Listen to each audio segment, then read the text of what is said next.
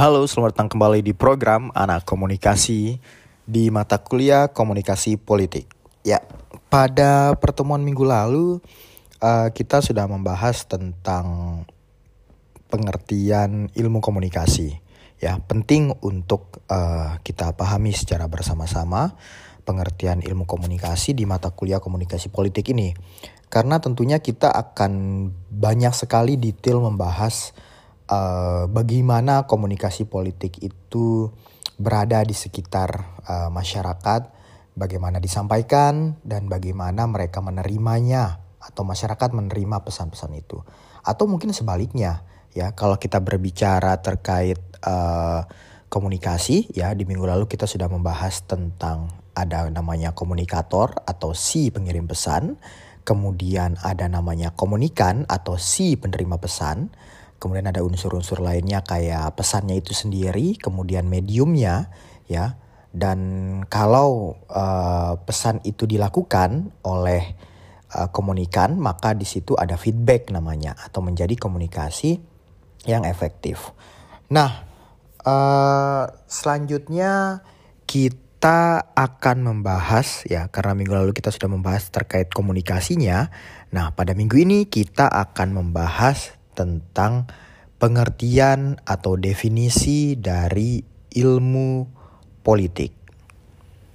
Oke, di sini saya uh, mengambil beberapa, bukan beberapa ya, ini definisi-definisi dan gambaran-gambaran tentang ilmu politik itu sendiri di buku Dasar-Dasar Ilmu Politik Profesor Miriam Budiharjo Uh, tentunya kalau anak-anak ilmu politik sudah sangat uh, tidak asing dengan buku ini ya. Sebelum kita kawinkan antara komunikasi dan politik itu sendiri kita bahas itu satu dulu ya. Minggu lalu kita sudah bahas terkait tentang komunikasi dan minggu ini kita akan membahas tentang ilmu politik. Oke yang pertama adalah uh, ilmu politik itu adalah ilmu yang mempelajari tentang politik atau politics atau kepolitikan ya. Jadi politik itu sendiri ya kalau teman-teman sering dengar wah orang ini berpolitik atau uh, pemerintah melakukan politik misalnya itu. Tapi kadang kita masih kurang memahami sebenarnya politik itu apa gitu ya. Jadi politik itu adalah usaha untuk menggapai kehidupan yang baik. Nah, jadi kalau kita berbicara terkait politik gitu ya kadang-kadang kita sering bilang ada nggak mau nih berurusan dengan politik ini pasti ribet atau alah itu politik pasti nanti ujung-ujungnya menguntungkan diri sendiri gitu. Itu adalah politik sebagai sebuah praktik ya. Kalau politik sebagai sebuah praktik ya tentunya kadangkala bisa jadi sesuai bisa jadi tidak sesuai dengan definisi-definisinya atau sesuatu yang diinginkan. Jadi harusnya gitu ya dari ilmu politik dan biasanya ini juga di ilmu-ilmu yang lain gitu ya. Ada sebuah pengertian yang apa ya bahasanya itu pengertian yang hakiki, pengertian yang seharusnya seperti itu ya. Tujuannya kayak gitu. Itu seperti apa? Ada tujuan-tujuan yang tentunya positif lah ya. Kita buat sebagai sebuah keilmuan itu pasti positif gitu. Ada tujuannya tapi kadang pada praktiknya ya karena dalam semua keilmuan itu selalu yang melakukannya itu adalah biasanya orang-orang. Ya orang-orang yang berpikir, kalau orang-orang sudah berpikir berarti dia punya kemampuan ya untuk mengubahnya, untuk memodifikasinya, untuk menambahnya, untuk menguranginya, bahkan untuk melencengkannya gitu. Jadi jangan disalahkan pengertiannya gitu. Jangan risih dengan politiknya itu sendiri gitu ya. Tetapi sebenarnya yang salah itu adalah manusianya atau orangnya kayak gitu. Itu jika kita berbicara. Jadi jangan pesimis dulu, jangan alah kata apa ya pengertiannya ini kan politik adalah usaha untuk menggapai kehidupan yang baik kayak gitu. Kelihatan kayak megah sekali, besar sekali gitu ya. Sesuatu yang baik sekali gitu. Tapi pada ujungnya kotor dan lain-lain. Nah, nah ini harus teman-teman bedakan dulu ya. Para uh, pendengar podcast ini harus membedakan dulu antara praktik dengan pengertiannya ya. Kalau teman-teman sudah mendapatkan mata kuliah teori komunikasi, nah di situ juga kita uh, dan kalau misalkan saya yang ngajar ya, saya akan membedakan teori sebagai sebuah histori atau sebuah sejarah dan teori sebagai sebuah praktik gitu ya. Kalau teori sebagai sebuah seja, uh, sebagai sebuah uh, histori atau sejarah gitu ya, maka dibuatnya histori itu atau dibuatnya sejarah itu, eh atau mohon maaf, dibuatnya teori itu ada urutan-urutan sejarahnya. Ya, kadang biasanya teori itu tidak sesuai dengan waktunya, dengan keadaannya berbicara misalkan uh, teori apa ya uh, teori jarum suntik misalkan orang ketika mengonsumsi sebuah media dia langsung terpengaruh kayak gitu. Itu kan teori jarum suntik gitu ya atau jarum hipodermik kayak gitu. Orang langsung terpengaruh tapi kan ya memangnya orang ketika menonton itu ada iklan uh, apa iklan motor langsung mau beli motor gitu. Ada iklan sosis langsung pergi keluar ke Alfamart atau Indomart gitu atau ke toko-toko untuk mencari sosis kan nggak juga gitu. Nah kalau kita berbicara itu akan nggak akan bisa dapat titik temu gitu ya. Kalau sebagai sebuah histori ya atau sebagai uh, sebuah keilmuan ya jadi teori contoh lah tadi ya teori jam hipodermik itu itu ada yang dianalisa pernah ada dianalisa dan itu ada konteks waktunya kadang-kala itu misalkan orang terpengaruh ketika baru mengenal media tersebut. Bisa jadi itu ketika misalkan televisi itu baru ada gitu. Atau ketika bicara masalah teori jarum hipodermik gitu ya, itu berbicara terkait radio misalkan. Uh, setelah Perang Dunia Kedua orang menjadi uh, takut ya dengan uh, sebuah peperangan gitu. Adalah berita tentang peperangan, tentang invasi ya.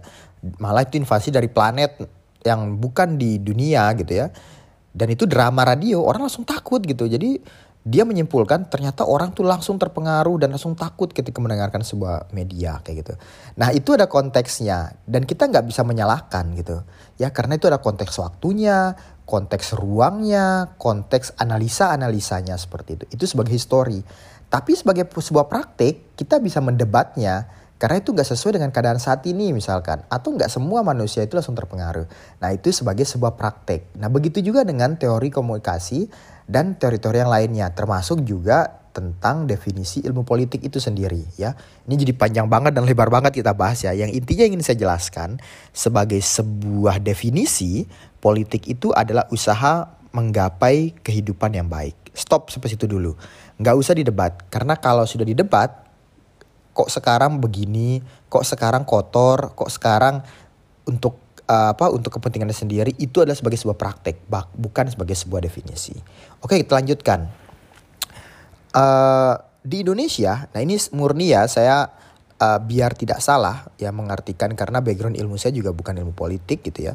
Tapi kalau komunikasi politik oke okay, gitu, tapi kalau politik secara murni saya perlu membaca textbooks gitu. Nah di Indonesia kita teringat pepatah Gemar Ripah Loh Jinawi. Orang Yunani kuno, terutama Plato dan Aristoteles, menamakannya sebagai endamonia atau the good life ya. Mengapa politik dalam arti ini sebegitu penting ya? Karena sejak dahulu masyarakat itu mengatur kehidupan kolektif yang baik ya. Jadi manusia itu sejak pertama kali lahir itu sudah dianggap sebagai makhluk yang kolektif atau kalau kita zaman-zaman SD SMP dulu SMA kita bisa sebut sebagai manusia ini adalah makhluk sosial atau membutuhkan orang lain tidak bisa tinggal sendiri seperti itu. Nah, kenapa ini menjadi perlu diatur ya? Karena kehidupan manusia itu adalah kehidupan kolektif ya dan mengingat masyarakat tuh sering menghadapi terbatasnya sumber daya alam atau perlu dicari satu cara agar distribusi sumber daya itu agar semua warga itu merasa bahagia dan puas. Contoh nih misalkan ya kita berbicara uh, terkait hmm, kita butuh beras misalkan ya. Kita butuh kita butuh beras. Dan beras itu ya kita bisa saja minta ke petani kayak gitu. Tapi kalau misal atau kita beli di petani tapi misalkan kalau mis kalau berasnya sudah tidak ada, siapa yang harus mengatur itu semua gitu ya? Siapa harus ada uh, proses kalau kita sering dengar ekspor import kayak gitu? Ya tentunya harus ada sistem maka sistem itu dipegang oleh government atau pemerintah. Dan pemerintah itu akhirnya melakukan sebuah kegiatan-kegiatan politik. Nah balik lagi tadi, ya yes, kita sekali lagi nggak mendebat ya ada korupsi dan lain-lain ya. Politik itu sebagai sesuatu usaha untuk menggapai kehidupan yang baik. Nah tentunya ketika orang itu menggapai kehidupan yang baik itu, dia nggak bisa sendiri, tapi itu dilakukan dengan cara kolektif. Nah sehingga Salah satu cara agar orang itu terpenuhi sumber dayanya ya atau kebutuhannya yaitu dengan cara ada yang atur itu. Siapa yang atur itu adalah sistemnya. Sistemnya itu adalah namanya adalah politik ya. Bagaimana cara menggapai tujuan yang mulia itu? Wah, ini bahasa buku ya atau tujuan yang bombastis itu gitu ya. Usaha itu dapat dicapai dengan berbagai cara yang kadang-kadang bertentangan satu dengan lainnya. Akan tetapi semua pengamat setuju bahwa tujuan itu hanya dicapai jika memiliki kekuasaan suatu wilayah tertentu. Entah itu negara atau sistem politik. Gimana cara agar bisa mengatur? Ya orang harus masuk dalam sebuah sistem dan harus memimpin sebuah sistem itu. Nah, itulah kita baru memperkenalkan tentang politik itu sendiri. Kekuasaan itu perlu dijabarkan dalam keputusan mengenai kebijakan yang akan menentukan pembagian atau alokasi dari sumber daya yang ada. Ya, para peneliti politik cenderung menekankan salah satu saja dari konsep-konsep ini. Akan tetapi selalu sadar akan pentingnya konsep-konsep lainnya, ya. Apa itu? Dengan demikian, kita sampai pada kesimpulan bahwa politik dalam suatu negara atau state berkaitan dengan masalah kekuasaan atau power ya. Pengambilan keputusan ya atau decision making. Kebijakan-kebijakan publik atau public policy dan alokasi atau distribusi allocation or distribution. Itu bahasa Inggrisnya aja saya baca ya politik saya ulangi lagi ya berhubungan dengan satu itu state ya atau negara berkaitan dengan power atau kekuasaan kemudian pengambilan keputusan ya kemudian kebijakan publik ya atau kebijakan untuk orang banyak dan dialokasikan serta didistribusi. Tujuannya apa? Tujuannya tadi yang paling awal sekali saya jelaskan itu yaitu adalah untuk menggapai kehidupan yang baik. Apa kehidupan yang baik itu? Berbicara masalah ya ujung-ujungnya misalnya kita bilang kesejahteraan, kebahagiaan, kedamaian, harus ada yang atur ya. Urusan perut, urusan pikiran, urus urusan hati, urusan keluarga itu harus dipenuhi. Nah, kita tidak bisa memenuhi dengan cara sendiri gitu. Mungkin bisa saja gitu ya. Satu dua orang gitu, terlepas dari sebuah kehidupan sendiri gitu ya. Berpet, apa uh, berburu dan lain-lain. Tapi seberapa mampukah semua manusia bisa seperti itu? Maka kalau misalkan dia nggak mampu, dia harus paham atau dia harus mengikuti sebuah sistem. Nah itulah sistem-sistem yang ada di negara yang saya sebutkan tadi. Ya, saya ulangi lagi sekali ya, biar lebih paham. Dalam politik itu ada beberapa konsep-konsepnya yang penting. Pertama ada berhubungan dengan negara, berhubungan dengan kekuasaan, berhubungan dengan pengambilan keputusan, berhubungan dengan kebijakan publik, dan alokasi atau distribusi. Nah, sehingga jika dianggap bahwa ilmu politik itu mempelajari politik saja, maka perlu kiranya dibahas dulu istilah politik itu. Ya, pemikiran mengenai politik di dunia Barat banyak dipengaruhi oleh filsuf-filsuf Yunani kuno abad kelima sebelum Masehi seperti Plato, seperti Aristoteles ya, yang menganggap politik sebagai suatu usaha untuk mencapai masyarakat politik yang terbaik ya, yang urusan-urusan tadi itu. Di dalam politik itu sendiri ya, semacam manusia akan hidup bahagia karena memiliki peluang untuk mengembangkan bakatnya, bergaul dengan rasa kemasyarakatan yang akrab dan hidup dalam suasana moralitas yang tinggi ya. Nah, pandangan ini ya secara normatif ini berlangsung sampai abad ke-19. Jadi kita bicara terkait ya yang agung lah bahasanya tadi itu. Namun saat ini definisi mengenai politik yang sangat normatif itu telah mulai berubah dan secara perlahan-lahan itu bergeser ya. Dan menekankan pada upaya untuk mencapai masyarakat yang baik seperti kekuasaan, pembuatan keputusan, kebijakan, alokasi nilai dan sebagainya. Yang tadi saya jelaskan. Nah, pada awalnya itu dia berbicara tentang gimana kehidupan lebih baik, tapi saat ini kita berbicara lebih detail lagi terkait dengan kekuasaan, pembuatan keputusan, kebijakan, alokasi nilai, dan sebagainya. Nah, itu gambaran awal tentang uh, definisi ilmu politik ya. Jadi sekali lagi mungkin di pertemuan di materi yang pertama terkait ilmu komunikasi dengan sekarang ya tentang ilmu politik saya tidak akan menjabarkan secara detail sekali karena kalau kita berbicara terkait pengertian ilmu komunikasi itu akan satu apa ya satu mata kuliah khusus tentang pengantar ilmu komunikasi. Kalau kita bicara terkait politik ya ilmu politik itu akan satu materi terkait mata kuliah ilmu politik itu sendiri. Tetapi saya sekarang dasarnya dulu ya. Kita review dari materi yang awalnya ya. Kalau kita berbicara terkait komunikasi, maka kita berbicara terkait komunikator menyampaikan sebuah pesan melalui medium ya dan disampaikan kepada si komunikan. Ya. Si komunikan ini kalau dia menyampaikan feedback maka menjadi komunikasi yang efektif. Tapi kalau tidak ada feedback itu sudah terjadi komunikasi seperti itu ya. Ini kita review yang minggu lalu ya. Ada yang disebut dengan diskomunikasi ya. Kalau pesannya itu tidak sampai dengan beberapa alasan-alasan. Kalau pesannya itu sampai tapi yang dilakukan feedbacknya itu berbeda dengan pesan disampaikan maka itu menjadi miskomunikasi. Nah itu terkait ilmu komunikasi. Berbicara terkait politik, kita berbicara terkait beberapa uh, unsur-unsur uh, juga di dalamnya tadi itu. Ada beberapa ya. Yang pertama tadi ada negara, ada kekuasaan, ya. Kemudian ada pengambilan uh, kebijakan atau keputusan, pengambilan keputusan maksud saya, baru kebijakan publik dan alokasi atau distribusi. Yang tujuan utamanya ya dari definisi yang sangat besarnya itu bertujuan untuk membahagiakan masyarakat, memberi kepuasan kepada masyarakat memberi sebuah kepastian kepada masyarakat. Ya jika mereka masuk dalam sistem-sistem yang sudah diatur di dalam kekuasaan itu atau di dalam politik itu sendiri.